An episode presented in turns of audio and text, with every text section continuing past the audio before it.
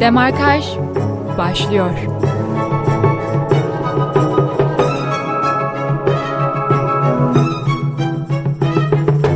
...96.6 frekansından ve Radyo Bilkent stüdyolarından hepinize merhabalar sevgili dinleyenler. Bir cumartesi gününde yine Demarkaj'ın yepyeni bir bölümüyle karşınızdayız. Ben Deniz mikrofon başında İrem Özcan. Ada Deniz Koç. Eylül Türkmen.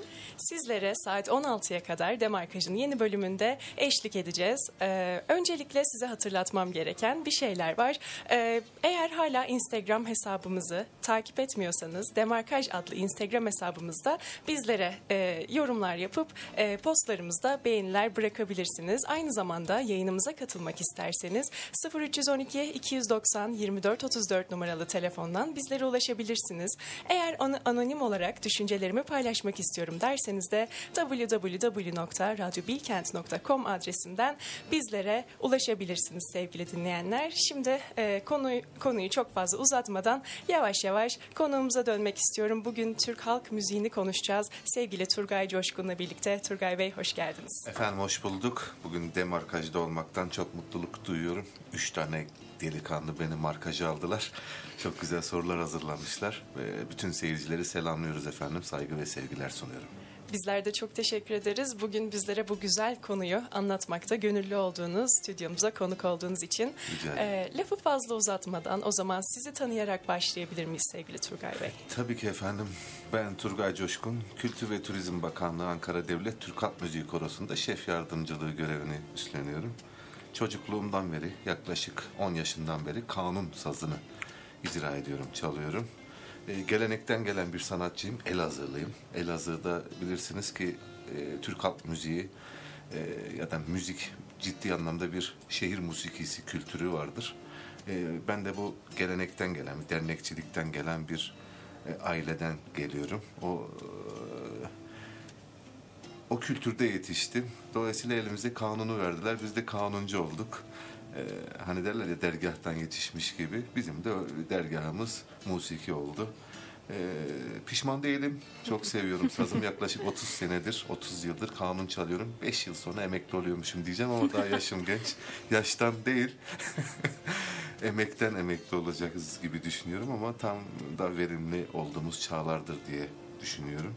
Ee, bu aşamada e, çok çeşitli eğitimlerimiz oldu tabii ki. Herhalde sıra sıra mı gideceğiz? Ben böyle anlatıp giderim istiyorsanız. Nasıl isterseniz Seni tabii. ilgileriz sorularla. evet, yani ilk ilkokulu yani il- ilk öğretim lise çağına kadar lisede dahil olmak üzere Elazığ'da okudum. Sonrasında üniversiteye Erzurum Atatürk Üniversitesi Güzel Sanatlar Fakültesini kazanarak okulu birinci kazandım. Biz biliyorsunuz özel yetenekle giriyoruz sınava. Tıpkı beden eğitiminde olduğu gibi konservatuarlara da müzik bölümlerine de eee, özel yetenek sınavları açılır ve o sınavlara girerek, sınavı kazanarak girersiniz. Okulda da kazandığım ilk yıllarda hemen Erzurum Radyosu tekrardan e, personel almaya başladı. Akitli sözleşmeli sanatçı. E, o, o- oranın da sınavına girdim ve daha birinci sınıftayken, üniversite birinci sınıftayken oranın sınavını da kazandım. Ve Orada san- birinci oldunuz herhalde. Orada birinci olmuyorsun. Orada mecbur profesyonel bir hayat olduğu için e, birinci değil orada sanatçı oldun. Yani Direkt olarak. yetişmiş sanatçı olarak orada çalışma imkanı buldum. E, tıpkı sizin gibi orada radyoda programlar yaptık. Tabii e, söyleşi değil, biz müzik devamlı icra yapıp e, Türk Sanat Müziği bölümündeydim tabii ki orada. E, dört yıl boyunca da üniversite okuduğum dönemde hem bana bir maddi gelir, okulum e, okulumu okurken bana bir kazanç olmuş oldu. Çok ciddi anlamda okuluma da katkıda bulunmuş oldu. Çünkü çok çeşitli repertuarlar geçiyorduk. Özellikle fasıl geleneğini çok iyi kavramış olduk orada. Ben kendi adıma söyleyeyim. E, şefimiz çok iyiydi. Sefa Yel'den buradan bizi dinliyorsa ellerinden öperim, hürmet ederim. Çok emeği vardır üstümde. E, biliyorsunuz ki bu tarz şeylerde sanatta birikim çok önemli. Hani ne kadar çok icra yaparsanız, ne kadar hani pilotlukta ne kadar kaç saat uçtuysan o kadar birikimin olur ve size daha büyük uçakları verirler ya. Bizde de uçmamız için ne kadar çok e, repertuar, ne kadar çok e, eser geçersek bizim için o kadar e, birikim olmuş oluyor ve başarılı oluyorsunuz bir yere gittiğiniz zaman ya da bir taksim istedikleri zaman çok rahat bir şekilde enstrümanınızla icra edebiliyorsunuz. Çünkü e, ciddi anlamda bir sürü makam geçmiş oluyorsunuz. Bu anlamda TRT'nin çok büyük faydası olmuştu. E, sonrasında tabii üniversite bitmek zorunda. Dört yıl okuduk.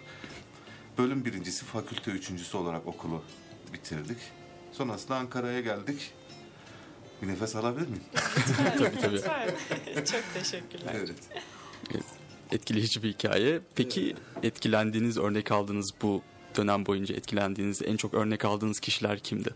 Tabii şöyle e, etkilendiğimiz e, benim dönemimde teknoloji bu kadar ileri değildi. Yani en azından bir YouTube çok daha e, şeyde viral değildi ya da yok gibiydi. Yani internet 4K modemlerle bilgisayar benim son sene mi? Üçüncü sınıfta kendi biriktirdiğim parayla aldığım bir şeydi.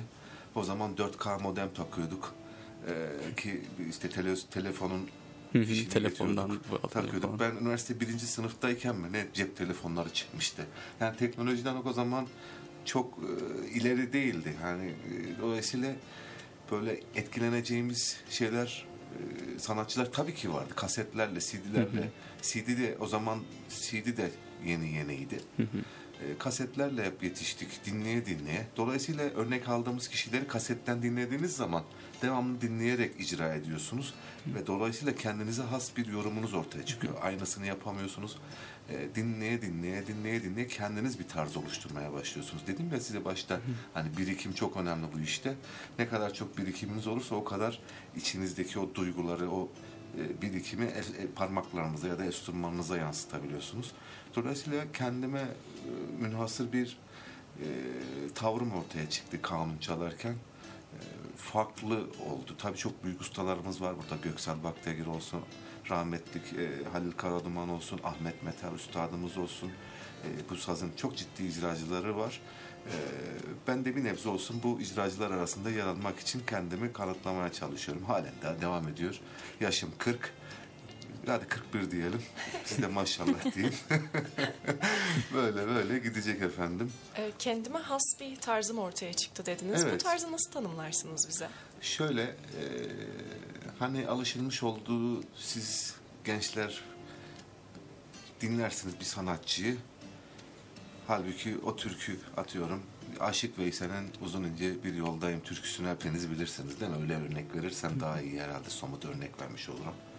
Bunu bir başka sanatçı böyle farklı tarzda caz gibi yorumladığında aa falan edersiniz. Ya da bir başka sanatçı böyle rock tarzında, rock formunda ya da bir senfoni, e, opera ya da e, şan okuyan bir sanatçı okuduğunda aa ne güzel farklı bir tarzda okuyor dersiniz değil mi?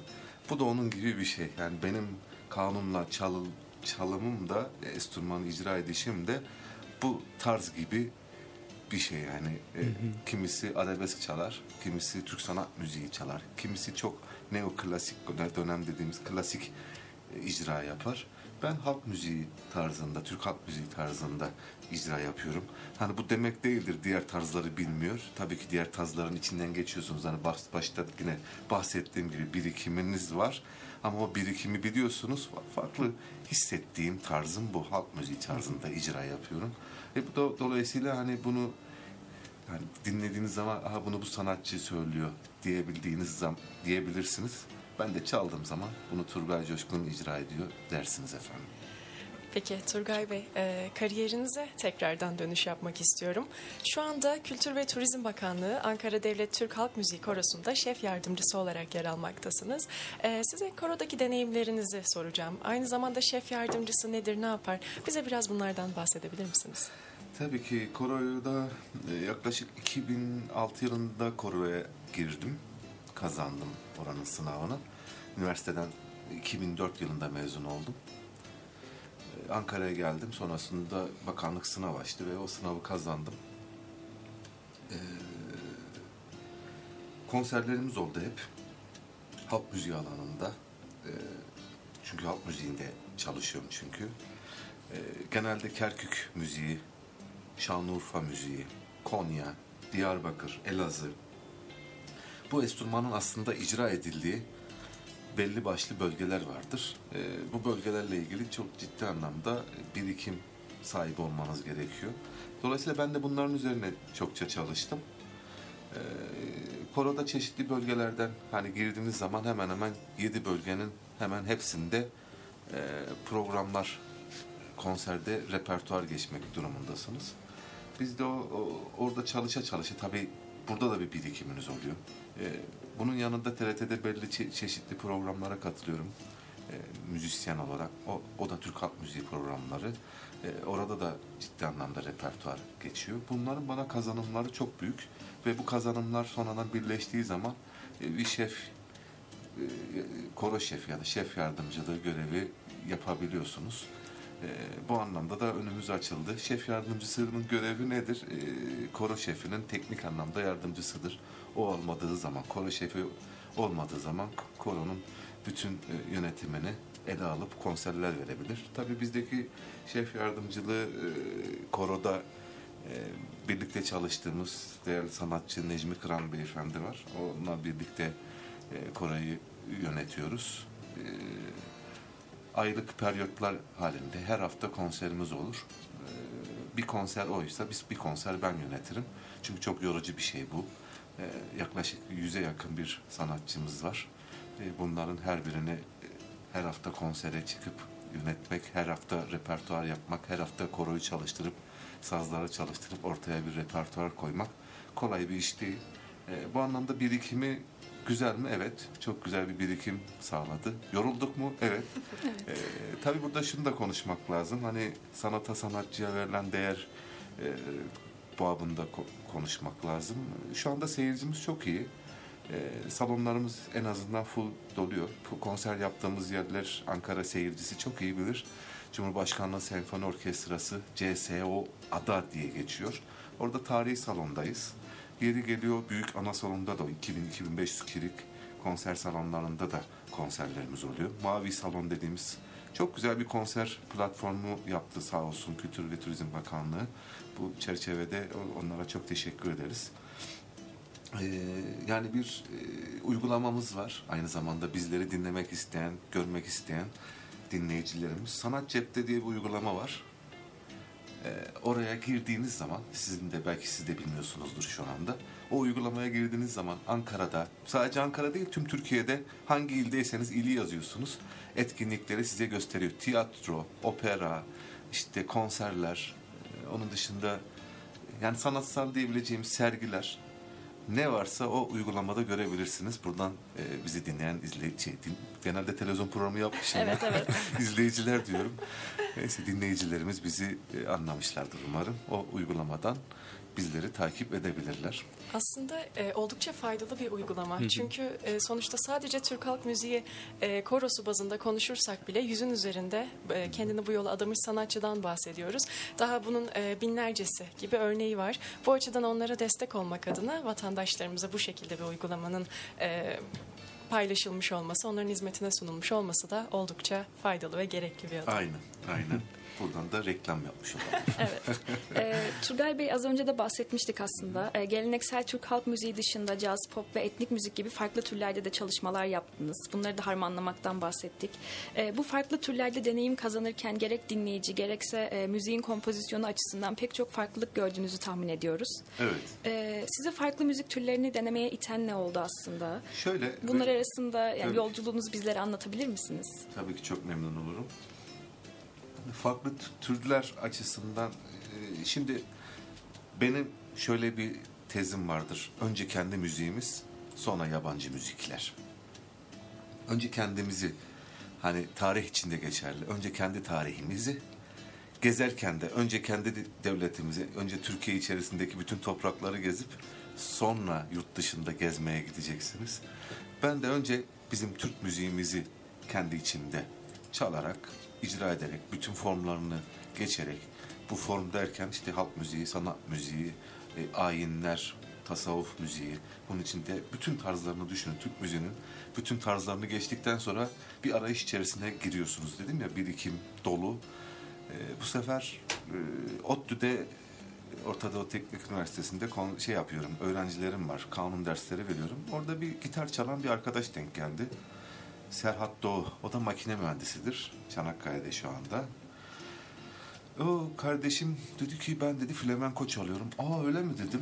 bir an ilgimi çekti. Şimdi biliyorsunuz flamenko e, o aley dedikleri e, kelime o oradaki e, o coğrafya biliyorsunuz bir dönem Osmanlı'nın ezan sesleri orada hep inlemiştir. Oradaki aley kelimesi Allah kelimesinden e, Allah isminden gelmiştir, gelmektedir. E, dolayısıyla e, bir içine girdiğim zaman baktım ki bunun içinde bir bizim Türk müziğinin yansıtan aslında ince ince detaylar var. Böyle ince ince müzikal e, cümlecikler var. E, ben bunu öğrenmeliyim. Evet bunu görmeliyim. Bunu hissetmeliyim. Bunun içine girmeliyim gibisinden. Kardeşimizle çalıştık, oturduk. O gitar çalıyor, ben kanun çalıyorum. Güzel güzel meşk ediyoruz. Sonra bir baktık ki devamlı çalışa çalışa ortaya bir şeyler çıkmaya başlıyor. Böyle hani kendimize ait melodiler, besteler ortaya çıkıyor. Ee, tabii bu da heyecanlandırıyor. Bununla ilgili birkaç konserimiz olmuştu Ankara içinde. Ee, tabii bu işlere biraz da PR lazım. Biliyorsunuz ki Ankara'da çok fazla müzisyenler parlamıyor. Hani İstanbul'da olsaydık bir yapımcı, bir e, ne bileyim, televizyoncu bir kesin denk gelir. Hadi gene sizi şu filan kanala çıkartayım. Belki o zamanlar uçabilirdik. Ee, Ama bu konuda sanıyorum Türkiye'de İstanbul istisna oluyor. Geri kalan herhangi bir şehirde bir müzisyenin Hiç kimse parlaması yapamaz. zor. Yok yok. Ee, büyük şehirde olmak gerekiyor. İmkanlarınız daha farklı. Ama şunu bilin sevgili gençler. Ben Erzurum'da okudum üniversiteyi. Ee, gerçekten çok iyi eğitim aldık. Hani müzik doğudan, güneş doğudan doğuyor. Batıdan batıyor ama bence müzik de doğudan doğuyor. Çünkü e, Erzurum çok köklü bir üniversite. Orada böyle hani günü güne geçirmiyor kimse. Her gün ders işliyorsunuz. Ciddi ciddi. Ben bir geçen trans, transkribimi inceledim. Haftada 26-27 saat ders yapmışız çok ciddi. Ve hepsi müzikle alakalı. Sonra onları bir düşününce e, yani Ankara'ya geldim. Şöyle gördüm. Yani ben bu birikimde benim de aynı şartlardan mezun olmuş batıdan bir üniversiteli benimle aynı birikimde değildi. Gerek nota okuması, gerek repertuar getir, gerekse eser geçmesi, eee, gerekse makamları bilmesi. Biz çok iyi eğitim almışız yani o yüzden e, Doğu'nun hakkını kimse yemesin. Doğu'da iyi eğitim veriliyor arkadaşlar. Ne diyorduk? Toparlamaya yardımcı olun bana. ben anlatacağım da. Farklı müzik türlerinin sizde Evet. bıraktığı etki, dinleyici kitlesinin farklılığı. Dolayısıyla bu flamenkodan yola çıktık. Ee, o bana çok ciddi birikim yaptı, hoşuma gitti. O da sonuçta e, güzel bir müzik türü. Hani gitarla kanun, hatta arkadaşım ut da çalıyordu. Yanımıza bir gitarcı daha alıp o da ut, kanun, gitar çok farklı böyle bir şeyler çıkıyordu. Sonrasında bir ülkeye festivale gittik biz.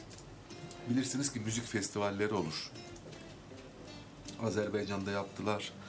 Ee, Benim gittiğim ülkeler Yunanistan, Amerika, Avustralya, e, Almanya, Belçika birçok ülkeye gittim. Yani Çin, Japonya e, yani sayabilirim daha.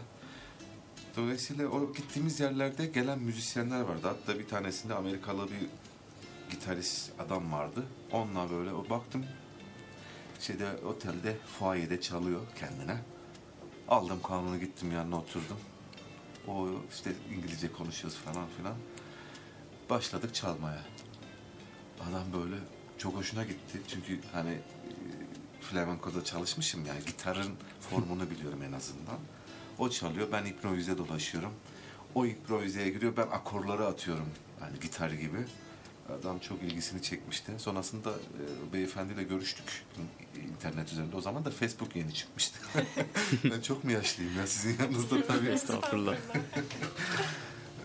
Dolayısıyla öyle bir anımız da onunla var. Ee, Böyle böyle çok oldu. Hani Türkiye Cumhuriyetlere gidince de yine etkileşim olmuyor mu? Tabii ki oluyor. Azerbaycan'da e, bizim bağlamaya benzer demeyelim de tar denilen bir enstrüman bilirsiniz hepimiz Türküz sonuçta. Bir güzel bir enstrüman. Onlarla böyle eşliğimiz olur. Ee, yine kıl kopuzlar olsun. Ee, piyano çalanlarla eşliğimiz oldu. Yani sayısız e, Eylül Hanım bilir. Eylül Hanım aynı zamanda benim komşumdur. Birçok ülkelere gittiğim zaman e, onlarla hani hasbihal etmişliğimiz olurdu. E, güzel anılar bıraktık. Var, fotoğraflarda da var. Ar- Arada bir açınca ne güzel işler yapmışız diyebiliyorum efendim. Anlatırken dalıp gitmenizden biz de fark ettik. Hakikaten müziğin türü, kültür, coğrafya ne olursa olsun müziğin birleştirici gücünden bahsetmek mümkün. Ee, Turgay Bey çok teşekkürler. Şimdi Rica kısa bir araya gireceğiz müzik arasına. Ardından sohbetimiz kaldığı yerden devam edecek. Sevgili dinleyenler kısa bir aradan sonra Demarkaş kaldığı yerden devam ediyor.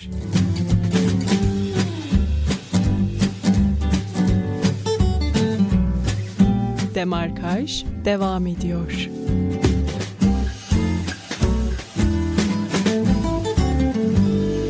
...96.6 frekansından ve radyobilkent.com'dan tekrardan herkese merhabalar. Demarkaj devam ediyor ve konumuz Turgay Bey ile yine birlikteyiz. Ee, Ee, Turgay Bey, şimdi az önce de e, konuşmuştuk aralarda. Evet. Sizin uluslararası çalışmalarınız çok fazla. Ee, 2008 Pekin Olimpiyatlarında Türkiye'yi temsil ettiğiniz bir konseriniz olduğunu duyduk ve bu bizi gerçekten çok gururlandırdı. Ee, bu organizasyonda yer almış olmanızı e, biraz anlatabilir misiniz? Neler yaşadınız? Ee, gelen tepkiler nasıldı? Hangi şarkıları seslendirdiniz orada? Tabii ki efendim. Biz Kültür ve Turizm Bakanlığı olarak eee, çeşitli derneklerin ya da kuruluşların etkinliklerine de destek oluyoruz sanatçılar olarak. Burada Hoytur denilen e, bir derneğimiz var. Halk Oyunları Derneği Ankara'da. E, bunların 21 gün süren bir turnesi oldu. Pekin'de. E, tabii sadece Pekin'de değil, olimpiyatların da bir öncesiydi. Hem olimpiyatlara da hazırlık yapıyorlardı. E, Çin hükümeti. E, olimpiyatlar sayılır. E, çünkü onun e, gittiğimizde bütün her şeyleri hazırdı. Oradan bir sürü olimpiyatla ilgili de e, hediyeler almıştık. Çin'e gidince zaten almadan alışveriş yapmadan dönemiyor. Efendim oraya gittik. E, halk oyunları ekibimizle üç tane şehrine gittik. Çin, Pekin, Urumçi ve Harbin bölgesi.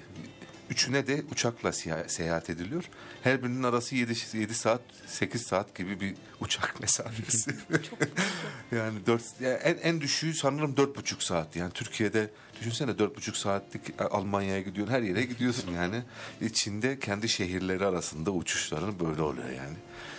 Ee, tabii ilk, ilk olarak Urumçi bölgesine gittik. Orası aynı zamanda Türk bölgesi biliyorsunuz. Ee, Türk, Evet. Türk asıllı vatandaşlarımız var orada. O bölge Türk, Uygur Türkleri orada. Orada konsere e, şöyle ülkemizi tanıtma amaçlı bu festivaller. Ee, biz halk oyunlarıyla gittik Türkiye'yi temsilen. Ee, Şimdi dansçılar sadece tek yöre oynamıyor. Yani yöre dediğim sadece Urfa ya da İzmir ya da Ankara, Karadeniz'de işte Trabzon değil. Ee, farklı farklı hepsinden örnekler verecek çifte telli oynuyoruz. Ee, dolayısıyla bunların kostümleri de farklı. Tek kostümle aynı oyunları oynamıyoruz değil mi? Bunlar ara verirken ben sahneye çıkıyorum. Arkadaşlarım var yanımda bir nefesli bir ritim, ee, bir altyapı bağlama. Birlikte çalıyoruz, icra ediyoruz. O aralarda ben tabii İngilizce konuşup seyircileri olayın içine bizim türkülerimizden söyletmeye çalışıyorum. Ee, söylerken sonra onlara da ithafen, onların türkülerinden, onların şarkılarından da söylemem gerekiyor. Dolayısıyla Çince okumaya başladım. Nasıl bir süreçti Çince okumak, öğrenme Ee, Nasıl süreci bir oldu süreçti? Şöyle, öğrenme süreci tabii ki çok zor. Ben nota biliyorum. Notanı, bir tane notayı bulduk. Ee, bizim mihmandarımız çok iyiydi. Ona rica ettim. Dedim ki bu notanın üstündeki harfleri harfiyen yaz kelimeleri. İşte D E ise D. İşte mi ise mi de. İşte la ise la. Hani harf harf yani bizde hani var ya burası muştu diye hani yaparsınız ya. bu. Heceleri. Heceleri tek tek altına yaz dedim. Bunu yazdı. E, tabii uçakla seyahatte uzun olunca ben uçakta aldım bunu su gibi ezberledim. Sonuçta bir, bir, bir parçayı öyle yaptım. E, temsil yaptığımız konserler her gün oluyor. Her gün olduğu için yeni repertuar da katmak zorunda kaldım içine. yani bir yaklaşık bir iki üç tane Çince şarkı söyledim. Ve çok ilgi çekti biliyor musunuz? Ya bir de e, Anadolu sazlarımızla bizim kanunla bağlamayla işte zurnayla kavalla falan çalıp söyleyince de onların da ilgisini çekiyor. E bir de be- benim çaldığım enstrümandan e, onlarda da var. Kano denilen bir enstrüman var. Biz kanun diyoruz. Onlarda da böyle kocaman abartmıyorum bu masa kadar var. E, telleri piyano teli gibi kalın. E, böyle sırmalı telleri var. Ee, onları da yani bir şey yapınca onlar böyle onların grupları çıkıyor. Alıyorum hemen onların enstrümanını böyle kanunu çok iyi çaldığım için. onlar da uçuyorum. Onlar parmaklarıyla çalıyorlar. Ben elimle böyle parmaklarımla çalıyorum. Ee, çok ilgi çekici oluyor onlar açısından da. Özellikle hani Çince söylediğim zaman da salon kopuyordu. Ve salonların hepsi full tabii ki. Çok ilgi çekici. Yani Bizim merak etmedim değil şu anda. Size Çince şarkı söyleyeyim mi? Şarkının sözleri İnanmayan oldu biliyor musunuz? Arkadaşlarımdan ya dedim ben Çince söylüyorum An- e, Ankara'ya dönünce. işte özellikle Erzurumlu arkadaşlarım biraz çok serttir. Kardeş dedi sen ne bilirsen böyle bir şiveyle konuşurlar. İnanmıyorum diyor sana inanmıyorum diyor. Dedim hemen başlıyorum okuma. Pamalule dayın yo idolüle açın ya diye okuyunca şaşırmışlardı. E, çalıp söylüyorsunuz. E, nota e, sonuçta dünyada herkes nota bilen kimin önüne götürseniz e, en az çalar ki bilirsiniz ki yurt dışından bizim ülkemize de gelen birçok sanatçı Türkiye'den de şarkılar, türküler seslendirmeye çalışıyor ve gittiğiniz konserlerde en az bir tane okur temsilen. Ve biz de nezaketen bunu yapmak zorundayız. Onlar nasıl yapıyorsa biz de aynı şekil fark etmiyor yani. Ve seyirciyle de inanılmaz bir samimiyet kuran Tabii ki, adam. tabii ki. Onlara ben neyi okutuyordum? Şinanari narina'yı okutuyordum. Hadi benle birlikte söyleyin. Hatta şeyi okutuyordum. Bu şu bizim asker türkümüz vardır ya akşamdan ışıktır. Yaylalar yaylalar. Onlara diyordum işte benle birlikte tekrar edin. Yaylalar yaylalar diye. Onlar yaylalar yaylalar diye söylüyorlardı. Şey, tabii hem e, komik oluyordu. Ya bizim için komik ama onlar için keyif verici. İşte davul zurna çalıyor falan. Acayip yani sanki Türkiye'de bir halay çekermiş gibi onları da işin içine kattığımız çok olmuştur efendim. Ee, Çin macerası böyle bir şeyimiz vardı. Üç bölgede birbirinden farklıydı. Ee, Pekin'e gelince ha, Uygur bölgesi çok yakındı bize yani bizim kültürümüze. Hele ki orada bir karpuz yedim. Orada zaten karpuz yetişiyormuş bildiğimiz. Ve Türkiye'de öyle bir karpuz yememiştim arkadaşlar. Müthiş bir tadı vardı. Sonra Pekin bölgesine gittik. Pekin biliyorsunuz dünyanın her her, her tarafından insanların geldiği bir yer. Uygur bölgesi de çok farklıydı. Şey Uygur diyorum. Harbin bölgesi. Orada da hani Çinliler ufak tefek olur ya.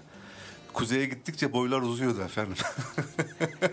kendime daha yakın ve kendime daha güzel kıyafetler alabiliyordum o zaman. Çok fazla eşya götürmemiştim ama keşke götürseymişim. Gitti, gidince hiç elbise bulamadım kendime. Çok zorluk çekmiştim. Her hafta eee, bildiğiniz çamaşırcı olmuştum. El, elbiselerimi yıkamak durumunda kalıyordum. Alırım diye düşünmüştüm ama o yüzden oraya gidecekler için bir tavsiye olsun. Lütfen kıyafetlerinizi götürün. Alırım diye düşünmeyin yok. Çok- Beden yok. Çok güzel. Yani hem oraya gidip bizim kültürümüzü temsil ediyor olmanız, hem onların bizim kültürümüzü bu kadar hızlı benimsemesine şahit olmanız e, ve bu güzel anıları bizimle paylaşmanız bizi çok mutlu etti. Ne demek rica ederim efendim. Sağ olun eksik olmayın. Ee, peki bu gibi başka e, uluslararası festivallere veya konserlere katıldınız mı? Yani nasıl bir deneyimdi? Tabii tabii çokça oldu. Hani eee, yani bir de çok önemsediğim sevgili Murat Karahan eski opera genel müdürü diyelim. Çok başarılı bir tenör. Murat hocamız onun konserleri oldu böyle Türk müziğini tanıtan eee, Türk sanat müziği, Türk halk müziği ve yine operadan, dünya operasından eee, şarkılar eee söylemesi, Na- Napolitenler okuması e, gidip senfoni orkestrasıyla icralar yapmamız çok unutulma, unutamayacağım temsiller arasındaydı. E, sadece Türkiye'de değil, dünyada da e, Murat Bey'le bayağı konserlerimiz oldu. Rusya'ya gittik. Hem St. Petersburg e, şehrinde çok güzel konserimiz oldu. Sonrasında Çin'e gittik. Çin'de de aynı şekil. Bu Yunus Emre'nin e, Aşık Veysel yılıydı sanırım özür dilerim. E, Aşık Veysel yılı UNESCO tarafından ilan edildiği o dönemde e, bu konserlerimiz oldu. Çin'e, Japonya'ya ve St. Petersburg Rusya'ya gitmiştik. Bunların hepsi operayla birlikte gerçekleştiğiniz Evet, evet, evet. mi? Ee, operanın orkestrasıyla birlikte biz de buradan e, kanun, kaval ve bağlama katılmıştık bizim bakanlıktan. Ee, çok keyifli konserlerimiz olmuştu. Ee, opera ile ilk tanışmam da e, benim değerli hocam İhsan Ekber aynı zamanda benim şan eğitimi hocamdı. Çok iyi bir tenördür o da. Onunla olmuştu. İlk ona çalmıştım. Bu Altın Hızma Mülayim Kerkük türküsü kendisi de Kerküklüdür. Buradan dinliyorsa ellerinden öperim İhsan Ekber hocamın da. Onunla olmuştu. Ee, senfoniyle çalmak kolay bir şey değil. Sonrasında Cumhurbaşkanlığı Senfoni Orkestrası'nda da e, çok çok çok kez Murat Karahan'a eşlikler yaptım. Özellikle Nazen'de sevgilimi e, çok da güzel okur. Hepsini çok güzel okuyor da hani e, Türk müziği olarak seslendirdiği e, usta eserlerden birisi de odur. Kalamış'ı hele okur. E, Yani senfoni orkestrasıyla Türk müziği eserleri okumak da her baba yiğitin harcı değil. Buradan Murat hocamızı tekrar sevgiyle selamlarımızı gönderelim. Ona her daim icra yapmaktan keyif alıyorum tabii ki. İcrası- Unutmadığım şeylerden biri de buydu. Onu demeye çalışıyorum. Çok teşekkürler. İcrası oldukça zor ama dinlemesi de bir o kadar keyifli bir alan. Senfoni orkestrası ile yapılan çalışmalar. Tabii çok büyük e, yani o düzenlemeleri her şey kolay bir şey değil E, ve orada icra etmek de kolay değil. Sonuçta e, ya müziğin dili bir yani demin de konuştuk ya önümüzde notamız var onu çalabiliyoruz ama biraz da yorum katınca Türk müziği nameleri falan olunca iş daha da uçuyor, güzelleşiyor. Bu anlamda iyi ki kanun çalmışım, icra ediyorum. İyi ki müzik diyorum yani, iyi ki seçmişim yani. Sevdiğim mesleği yapıyorum. E, o yüzden herkese de tavsiyem budur. Sevdiğiniz işi yaparsanız çok başarılı olursunuz. E, bir de şunu anlatmak isterim. E, o da değişik size ilginizi çeker. Ben lisede yedi tane zayıfım vardı. Hani başta bahsettim ya üniversiteyi birinci kazan, bölümü birinci bitir, fakülte üçüncüleri. o Hani şey e, başarılısın ama müzik alanında başarılıyım. Öbür dersler yani şöyle o zaman hani lise zamanında çok kendimizi veremiyorduk. Hep müzikle uğraşıyorum, hep çalıyorum, hep icra yapıyorum. Gençlikte var. Hocalar da hadi Kanuni okulda lakabımız Kanuni'di artık yani is- ismini kimse söylemiyor. Kanuni ya yapma Kanuni çok konuştun Kanuni yapma Kanuni diye. Öyle şeyler oluyordu. Ee, tabii ilk dönem bu dediğim birinci sınıftaydı arkadaşlar. Sonra lise 3'e gelince ders dersler toparlandı da. Ee, son sınıftayız. Okulu bitireceğiz artık lise son. Hemen üniversite sınavına girmişim. İşte şey yapıp özel yetenekten gideceğim bizim coğrafya öğretmenimiz beni bırakmış. Yani bütünlemeye kalıyorum ya da sınıfta kalacağım. Okul müdürü, müdür yardımcısı onun da ismi Turgay'dı. Turgay Turgut hocamız çağırıyor. Diyor ki ya hocam diyor coğrafya öğretmeni sen bu çocuğu niye bırakıyorsun? Bak bu mesleği var da mezun et gitsin adam. yani boşta değil bu adam mesleği var elinde kanun çalıyor bırak mezun et gitsin. Yıllar sonra benim hiç haberim yok bu konuyu. Yıllar sonra ben üniversite bitmiş, atanmışım, sanatçı olmuşum. Bunu hocam bana o coğrafya hocasıyla karşılaştık o anlattı. Dedi senin sana sebep diyor. Sana diyor 10 puan mı yükselttim? 10 puan herkesi yükselttim. Geçebilen geçti. Kalan kaldı diyor. yani sağ olsun o zaman böyle bir şeyimiz olmuştu. Yani o yüzden kısacası herkes sevdiği mesleği yapmalı. Bu ülkede sanatçıya da ihtiyacımız var yanlış anlaşılmasın ameleye de ihtiyacımız var. Her türlü oto ustasına da ihtiyaç var. Elektronikçiye de yani borucuya da ne bileyim e, her işte her meslekte ihtiyacımız var. O yüzden herkes sevdiği mesleği yapsa e, çok başarılı olacağına inanırım yani. O zaman buraya gelmeden önce de dinlediğim, hayranlıkla dinlediğim bir albüm hakkında konuşmak istiyorum. Şark Usulü adlı albümü. Evet. 2014 yılında çıkardığınız Şark Usulü isimli solo albümünüz hakkında. Bu albüm neler barındırıyor içinizde ve albümün hazırlanış aşamasındaki deneyimlerinizden birazcık bahsedebilir misiniz? Tabii. e, albüm yapmadan önce ço- birçok kez televizyon programlarında bana türküler söylettiriliyor. Sadece icracılık değil, aynı zamanda okumada da. E, televizyon programlarında, canlı yayınlarda işte düetler yapıyorum. Yani bildiğiniz sanatçılarla, işte Sevcan Orhan olsun, yine e, konuk olan sanatçılar olsun. Belkıs Hakkaleler. Bunlarla hep böyle konser şeyde televizyon programlarına solo veriyorlar. Hadi Turgay sen oku. Okuyorum. Bayağı da tepki ilgi çekiyor. Sonrasında Ülke TV'de e, program yaptığımızda da orada sağ olsun programımızın o zaman sunucusu ve e, solisti Bayram Bilge Tokel hocamız o da türküler okuturdu bana. Böyle böyle hani geri dönüşler de çok güzel olunca neden o zaman bir albüm yapmıyorum? Yani yapalım bir tane dursun en azından kart vizitimiz olur. Ee, albüm işine girince e, çok uğraşmış olduk yani. Bayağı bir profesyonel işte müzisyen albümü yani en azından. Dinlediğiniz zaman yani çok güzel sound çalımlar olsun, kaliteli e, ekipmanlar, ne bileyim mixi, masteringi her şeyiyle çok on numara bir iş çık- çıktı ortaya. Ee, Biraz da şans lazım buna tabii. O zaman o dönem ülkenin şartlarında işte depremler, o zaman deprem olmamış da bir e, maden faciaları olmuştu.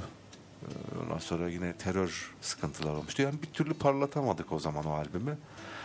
E, Sonrasında televizyon programı oluyor. Tam böyle bir şeyler yapacakken yine ülkede bir şeyler oluyor biliyorsunuz. Ee, böyle Hiç değişmeyen sıcak kaderimiz. sıcak e, hızlı değişen bir gündemimiz oluyor Türkiye'de.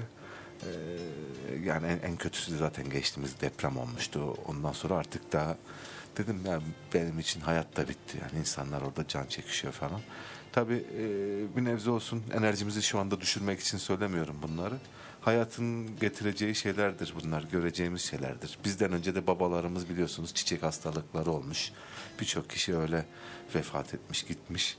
Virüs yine vardı değil mi? O zamanlar da vardı. O zaman da yine deprem olmuştu. Ee, bunları hepimiz göreceğiz. Her insan yaşamında bunu görecek. Biz de gördük. Ee, Allah beterinden saklasın diyoruz. Bize demek düşen bu oluyor. Çalışacağız.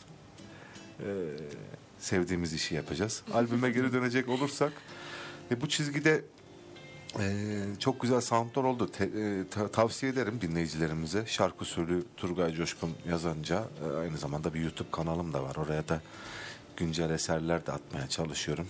Artık son zamanlarda tek başıma çalıp icralar yapıyorum. O da farklı, güzel oluyor. E, kendi kendime çalıp da hani e, artık kanun benim bir parçammış gibi hayat arkadaşım. Tabii ki evliyim, eşim, başımın tacı o başka. Ama bu da benim bir parçammış gibi bütün duygularımı, yüreğimi, nefes alışımız bile sanki enstrümanla aynıymış gibi hissediyorum. Çünkü ağaç bilirsiniz yaşayan bir şey. Kesilse bile o halen daha bir e, yaşama şeyi vardır ağacın. Her vakit eğilir değil mi? Ağaç bir mobilya eğilebilir, şey olabilir. Daha halen daha o e, yaşar. Bu benim için de enstrümanım ağaçtan yapılan bir malzemeden kullanılıyor malzemesi. Birlikte onunla yaşadığımı hissediyorum. Ben ona saygı gösteriyorum. O bana sesiyle e, yön veriyor. Keyifli şeyler yaptığımıza inanıyorum. Bu aşamada yine albüm yapmak istemiyor muyum? Tabii ki. Ama artık böyle YouTube için içerik üretmek daha hoşuma gidiyor. Çok teşekkürler. Rica ederim, Hem sağ sanatçıların hem de ülke çapında yaşadığımız pek çok sıkıntıdan dolayı e, sanatçıların sanatlarını icra ederken oldukça fazla e, problem yaşadığına tanık oluyoruz. Ama sizin de dediğiniz gibi insanın sevdiği işi yapıyor olması da e, bütün bu zorluklara rağmen bu işte canla başla devam etmesine e, çok yardımcı oluyor. En önemlisi ne biliyor musunuz sevgili İrem? En önemlisi bizim biz sanatçılar pohpohlanmayı severiz. Alkışı severiz. Alkışı alırsak şişeriz. Şişersek çok güzel işler yaparız. Hani sanatçı e, sanatçının seyircisi çok olacak ki havaya girecek değil mi? Ona gaz verecek. Biz gazla çalışan bir müzisyenler öyleyizdir yani. Alkışla çalışırız. O yüzden bizi alkışsız bırakmasınlar sevgili dinleyicilerimiz. En önemli şeyimiz o. İlgi. İlgisiz kalmayalım. Ee, çok zorlu süreçler geçirdik evet. Deprem oldu, pandemi oldu. Ee, hepsi bizim akrabalarımız. Öyle düşünüyoruz müzisyenler olarak. Ama e, bize de bir, bir nebze olsun can verin. Bu canı nasıl vereceksiniz? İlgi göstererek, alkış tutarak efendim. Alkışımız bol olsun derler.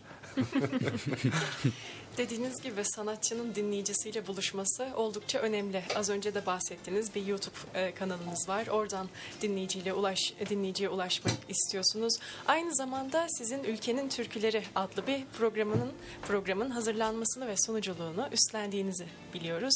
Evet. E, bu program hakkında bize biraz bahsedebilir misiniz? Bu programı yapma motivasyonunuz neydi? Evet bu program e, pandemi döneminde e, sevgili Hasan Öztürk Ülke TV yayın yönetmeni e, telefonla arayıp böyle bir program yapar mısın dedi. E, hani Ülke TV'de en azından haftada bir gün herkes evinde e, biz sana gerekli izinleri alalım. Böyle bir program yap. Türküler e, programı olsun. O dönem başka da program yoktu. Tek tabancaydık e, Türkiye'de. Halk müziği alanında. Hem Ankara'da bir yere gitmeden arkadaşlarımızla bir nebze olsun bize de e, türkü icrası, müzik yapmak ilaç gibi geliyordu. E, çok keyifli. bir- el- 53 bölüm yaptık sanırım. 53 bölüm canlı program yaptık. E, Çeşitli pro- konuklarım oldu. E, hem popüler hem geleneksel okuyan solistlerimiz oldu. Çok keyifliydi. İzleyicilerimizin geri dönüşleri de çok iyiydi. Yani bana göre devlet kanalından daha çok izlenen bir kanaldı o. Ee, hani TRT müzik var biliyoruz. Ee, ama müzik kanalını kimse izlemiyor. Daha çok insanlar haber kanalı izledikleri için bu haber kanalında müzik yapmak da bizim için çok başarılı bir şey oldu. Hani reyting anlamında da. Başarılı olduğuna inanıyorum ben. Ee, ki çok güzel geri dönüşler aldık. E bir de kanunla türkü çalmak e, çok ilgi çekici oluyor. Genelde insanlar alışmıştır bağlama olsun işte gitarla türkü söylerler işte. Ama kanunla türkü hiç duymamışsınız genelde Türk sanat müziği okurlar. E benim tarzım da işte Türk halk müziği olduğu için bu anlamda da ilgi çekici oldu. Program bence başarılıydı. Tabii seyirci burada daha ön planda güzel e, cevap verebilir. E, reytinglerimiz de iyi olduğuna göre demek ki beğenilmiş güzel bir başarılı bir program olmuş diyebiliriz. Türkülerin kuşağımızda yavaş yavaş popülaritesini kaybetmesinden sonra böyle bir programla aslında tekrar bu kültüre can veriyor olmanız da oldukça gurur verici. Çok teşekkür ederim. Tabii ki popülaritesini türküler aslında türküler getirmiştir. Tarihi, müziği, haberleri, her şeyi yani türkülerin yok olması biraz zor derim ben. Ha, popülaritesini yitirmesi nedir? E, şöyle örnek vereyim aslında Azerbaycan'a gittik. Çokça gittim oraya konserlere. Orada e, devlet çok ciddi des- destek veriyor bu kültüre, müziğe. Çünkü onlarda da bir gelenek. Aslında bizde de öyle olmalı. Ee, hani hiç mi destek olmuyor? Tabii ki devletimiz destek oluyor ama e, en azından yarışmalarla Azerbaycan'da Mugam Festivali dönüyor. Mugam yarışması deniyor. Bak festival ayrı, yarışma ayrı. Festivale dünyaca uluslararası bir festival yapıyor. Bütün dünyadan müzisyenler, sanatçılar geliyor o festivale. İşte Marrakeş'ten, Fransa'dan. Yani emin olun ben bir, bir tanesine katıldım. Hindistan çok özür dilerim. Hindistan'dan müzisyenler geldi. Hin- Hintliler ki çok iyi müzisyenlerdir. Adam sitarını aldı işte enstrüm grubuyla gelmişti. Bir müzik yaptılar. Azerbaycan mugam çalıyorlar, icra ediyorlar. E biz Türkiye'den katıldık. Ee, Yunanistan'dan katılan ekip vardı. Bayağı bir katılımlar vardı. Bu gibi etkinlikler bizim Türkiye'de de olsa. Hani bilirsiniz klarnete son zamanlarda çok ilgi duyuldu değil mi gençler? Neden duyuldu? Magaziner olduğu için değil mi? Ee, Öyle değil mi? Yanlış konuşmayayım. Doğrudur. Ee, Hüsnü Şenlendir'i çok iyi bir müzisyen. Yani o müzisyenliği tartışılmaz. e, popüler oldu. Neden bir kanun da aynı şekil olsaydı herkes kanun almaz mıydı gençlerimiz? aynı bunun gibi düşünün sevgili gençler. Halk müziğinden de işte böyle bu tarz e, magazinler olmamız gerekiyor. Ki Azerbaycan'da böyleler. Azerbaycan'da e, bu halk müziği sadece geleneksel şey, pop müzikçiler değil. Sadece işte tiyatrocular, televizyon şeyciler, e, televizyon artistleri değil. Bütün müzik türleri hepsi üst seviyede. E, böyle de olunca e, bizim ülkemizde bunun eksikliğini biz geleneksel müzikler olarak gördüğümü hissediyorum. Ama eskiden vardı. Bir Türk sanat müziği deyince Emel Sayın gelirdi değil mi akla? Yani Zeki Müren gelirdi. Ee, sanat güneşi denirdi. Bu ne olduysa böyle gitgide şimdi işte geleneksel müziklerle çok fazla ismi alınan sanatçı çok göremiyormuşum gibi hissediyorum. Siz ne düşünürsünüz bilmiyorum. Biraz daha değerlerimizi göstermemiz lazım tekrar. Şey çok özel bir e, kelam var. Sevgili Mehmet Özbek hocamın. Kendi müziğini icra etmeyen, söylemeyen bir millete yabancı devletler kendi müziklerini dinletir, çaldırır, söyletir. Hatta bunu türküsel anlamda söylüyordu. Kendi türkülerini söylemeyen bir millete yabancı devletler kendi şarkılarını söyletir. Özellikle biz öncelikle milli olmalıyız. Hani e, kendi öz kültürümüze sahip çıkmalıyız. Türkülerimize. Hani başta da söyledim ya önce kendi müziğimizi icra ettim sonra flamenkoya geçtim işte batı müzikleri yabancı müzikler çalmaya başladım önce kendi müziğimizi öğrenelim sonrasında ne yapacağımıza karar veririz Evet güzel bir konuşma oldu. O zaman bir araya daha gidelim. Küçük bir ara verelim. Sonra demarkajla tekrardan birlikte olacağız.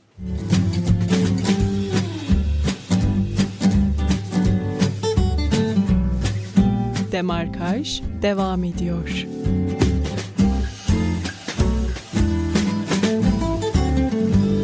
...96.6 frekansındayız sevgili dinleyenler. Demarkaj kaldığı yerden devam ediyor. Sevgili Turgay Coşkun'la birlikte kariyeri hakkında ve Türk halk müziği hakkında çok güzel bir sohbet ediyoruz.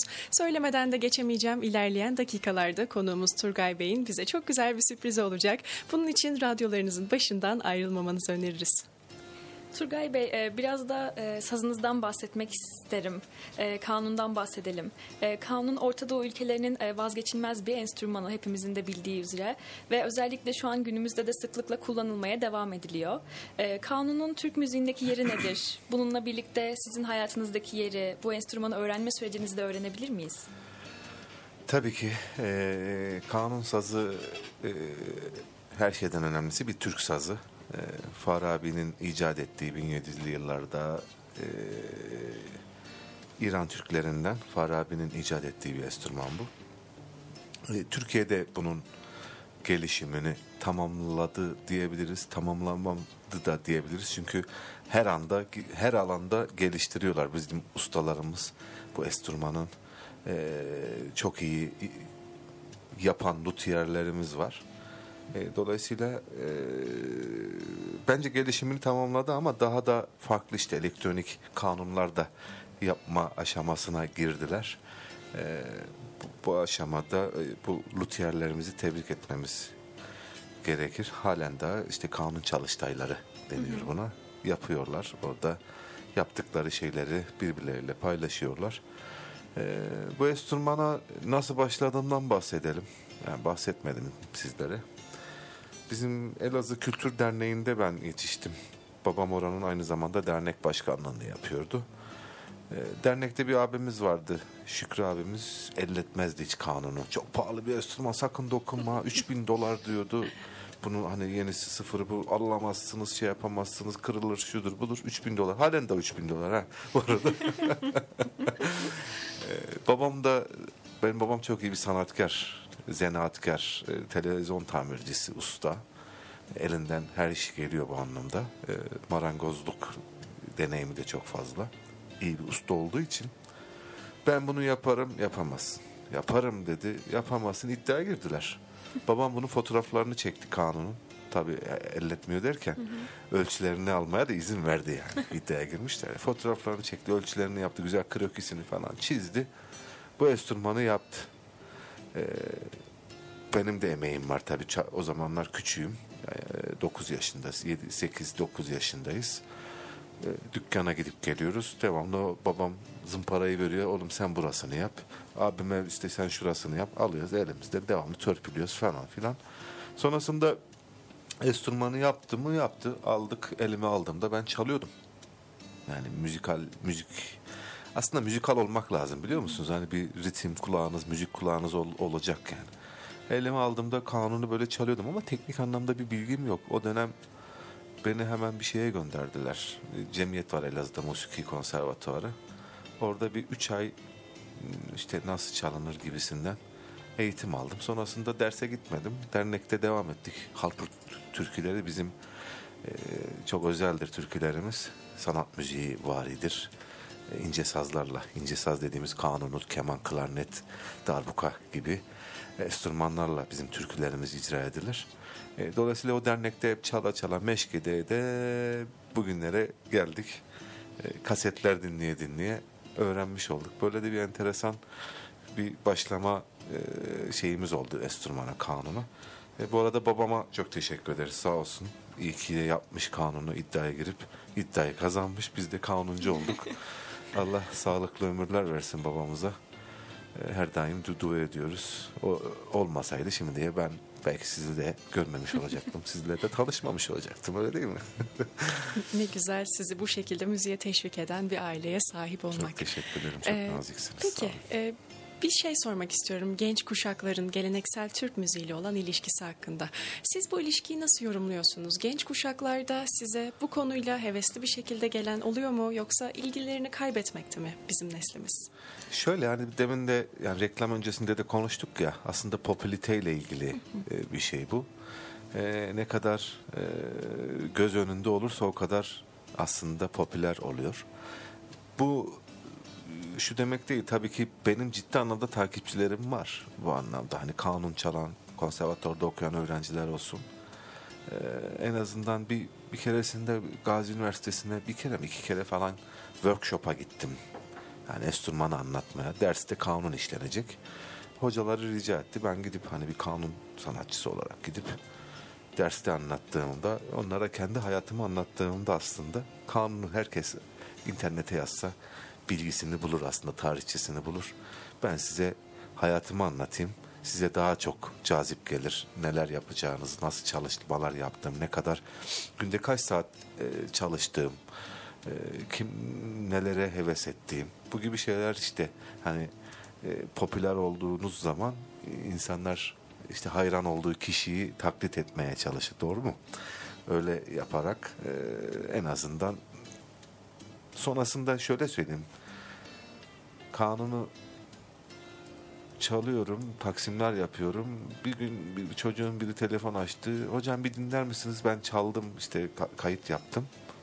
Bir baktım ki ana benim çaldığımın aynısı dedim bunu ben çalıyorum. Hocam yok ben çaldım. Deyince bu sefer dedim demek ki Turgay'cığım e, evet doğru yolda gidiyoruz. E, bu anlamda daha dikkatli olman lazım. Seçtiğin eserler olsun, çalımların olsun, yapacağın işler olsun. E, daha çok dikkat etmeye başlıyorsunuz. Ki gelecekte torunlarınıza ya da gençlere daha iyi bir şeyler bırakabilelim diye. Bu aşamada çalışmalarım devam ediyor. Artık seçim yaparken repertuar seçimi bile olsa olsun. Bunlara dikkat ederek yapıyorum efendim. Çünkü sonuçta devlet sanatçısıyız. Ciddi işlerimiz olmalı böyle hani savsaklamadan kaliteli işler yapmamız gerektiğine inanıyorum. Üzerinizde o sorumluluğu Aynen, hissediyorsunuz. aynen. O zaman biraz da geleneksel Türk halk müziğinin yapısına dönelim. Bu müzik türünün bizlere duygulardan tutalım yaşamlarımızdan enstantelerine kadar pek çok şey anlattığı kesin. Bir de sizden duymak isteriz. Halk müziği toplumun günlük yaşamında ve kültüründe nasıl bir yer tutuyor sizce? Aslında halk müziği bizim sabah nasıl uyanıyorsak akşama kadar yaşadığımız anı anlatan bir müzik derim ben ona. Her alanda, her boyutta eee, görebileceğimiz bir, yaşadığımız bir şey aslında. Eee, ben daha çok sevda gibi bakıyorum. Bu sevda demek sevgili arkadaşlar beşeri aşk değil. Tabii bunun içinde beşeri aşk da var. Bunun içinde tasavvuf var. bunun içerisinde vatan sevgisi var, anne sevgisi var. Ee, türkülerde tabiat sevgisi var değil mi? Benim için en önemli olan şey bu işte. Ee, benim sevdam türküler. Sevda olarak bakıyorum. Çünkü baktığım zaman bir bütün görüyorum.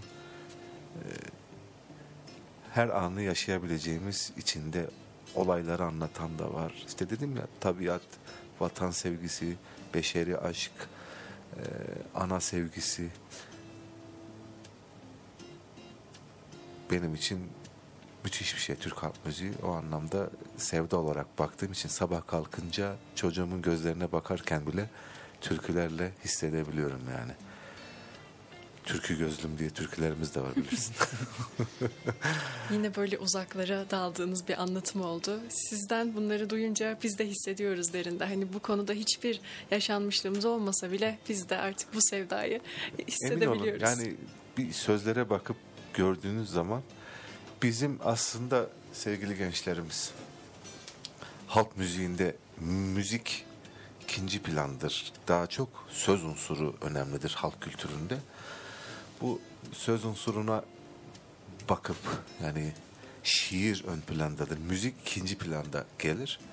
Dolayısıyla eee, bu sözleri dinleyerek özümseyerek türküleri dinlediğiniz zaman bakın göreceksiniz ki ya ne adam ne yazmış falan.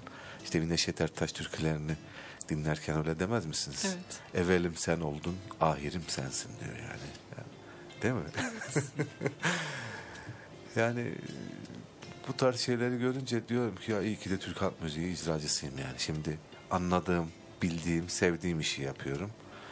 Ee, tabii ki Türk müziğinin hepsi güzel. Hani sanat müziğinde de e, bu tarz eserler yap- yazılmamış mı? Yazılmış. Beste üzerine daha çok söz müziği belli olan e, eserler yazılmıştır. Ama Türk halk müziğinde böyle hani anonimde olan e, daha çok toplumsal öğelere, toplumsal olaylara ithafen yazılmış şeyler de olan. Yani bir nebze olsun tarihimizi de yansıtıyor. Bunu da görüyorsunuz. Dedim ya içinde işte beşeri aşk var, işte vatan sevgisi var, tabiat sevgisi var, ana sevgisi var, baba sevgisi var. Her şeyi anlatabilecek kardeş sevgisi var. Bir Aşık Veysel düşün değil mi? Tabiatla ilgili en güzel tasvirleri yapan bir aşığımız. Ee, beşeri aşkı da Neşet Ertaş çok güzel yazmış. Değil mi? Ee, halk ozanlarımız çok çok iyi yani e, güzel türküler bırakmışlar. Biz de onları icra ediyoruz. Gelecekte tabii ki inşallah biz de onlar kadar besteler, türküler bırakmak isteriz. Diyeceklerim bu. Ee, sohbetimiz gerçekten çok güzel devam ediyor. Şimdi küçük bir aramız olacak. Aradan sonra tekrardan programımıza devam edeceğiz.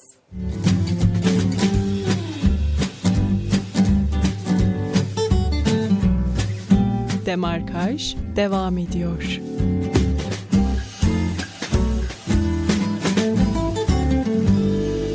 ...96.6 frekansından ve radyobilkent.com'dan tekrardan tekrardan birlikteyiz. Ve Turgay Bey'le ko- konumuz Turgay Bey'le yaptığımız demarkaj programı devam ediyor. Turgay Bey'le konuştuk, çok güzel sohbet ettik, güzel bilgiler öğrendik. Şimdi sırada ondan bir kanun dinletisi dinleyeceğiz. Turgay Bey isterseniz. Hazır mıyız efendim? Hazırız efendim. Hadi bakalım.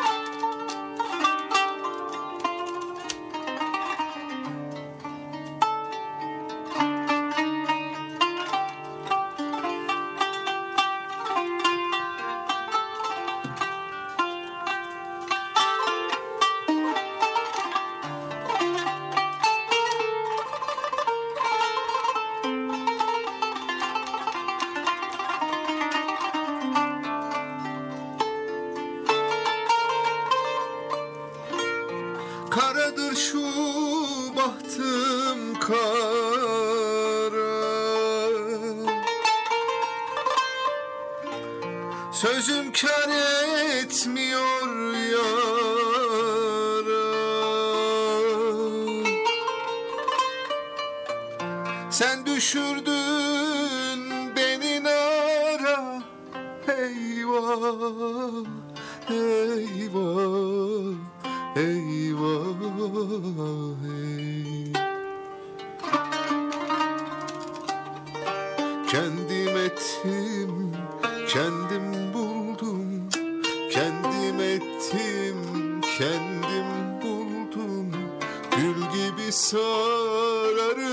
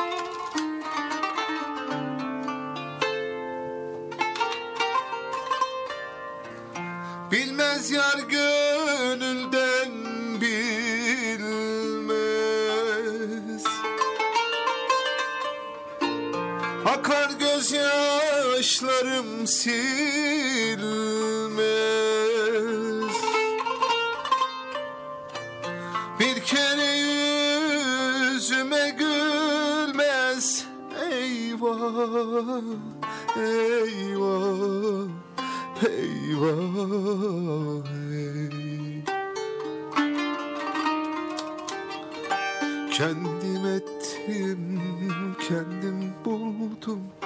Kendim ettim, kendim buldum. Gül gibi sararıp soldum.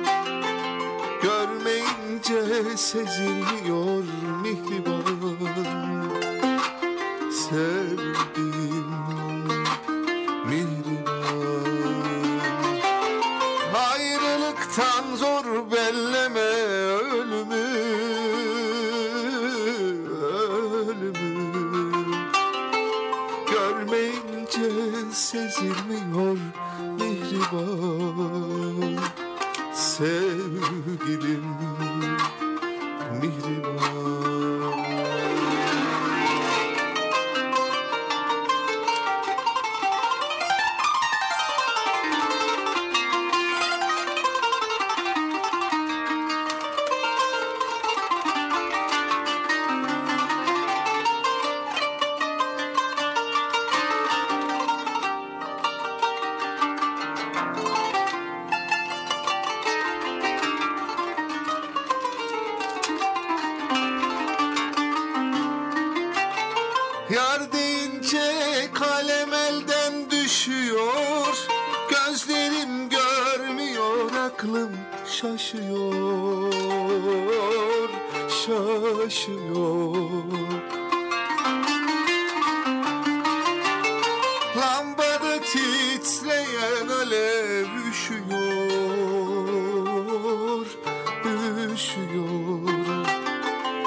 Aşk kağıda yazılmıyor mihriban.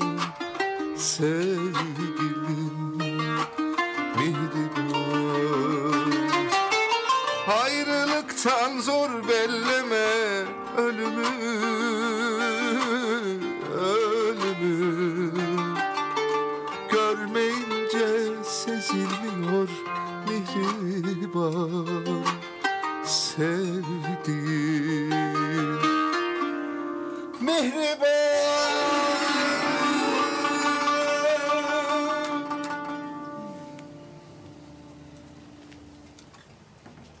Efendim Turgay Coşkun söyledi.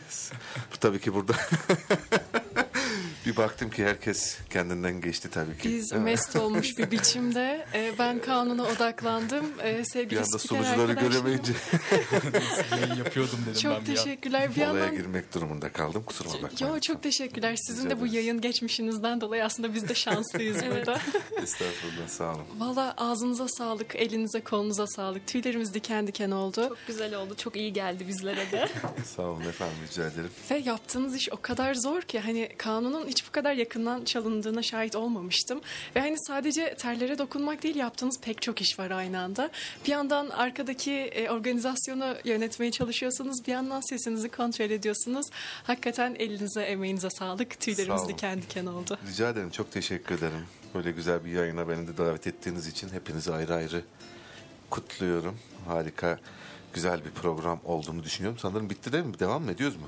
Sabah Yani. kadar buradaymışız gibi hissedeceğim. Bizim sorularımız bitmez. Sizinden öğreneceklerimiz de bitmez. Ama nasıl isterseniz.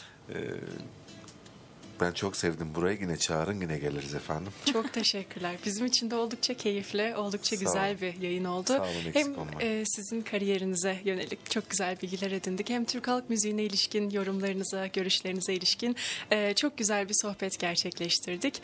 Umuyoruz bir sonraki programlarımızda sizi tekrardan ağırlayabiliriz. İnşallah çok teşekkür ederim. Sizin gibi gençlerle tanıştığım için de ben çok mutluyum. Eylül'e, e, İrem'e ve Ada kardeşime çok e, güzel bir ortam var burada.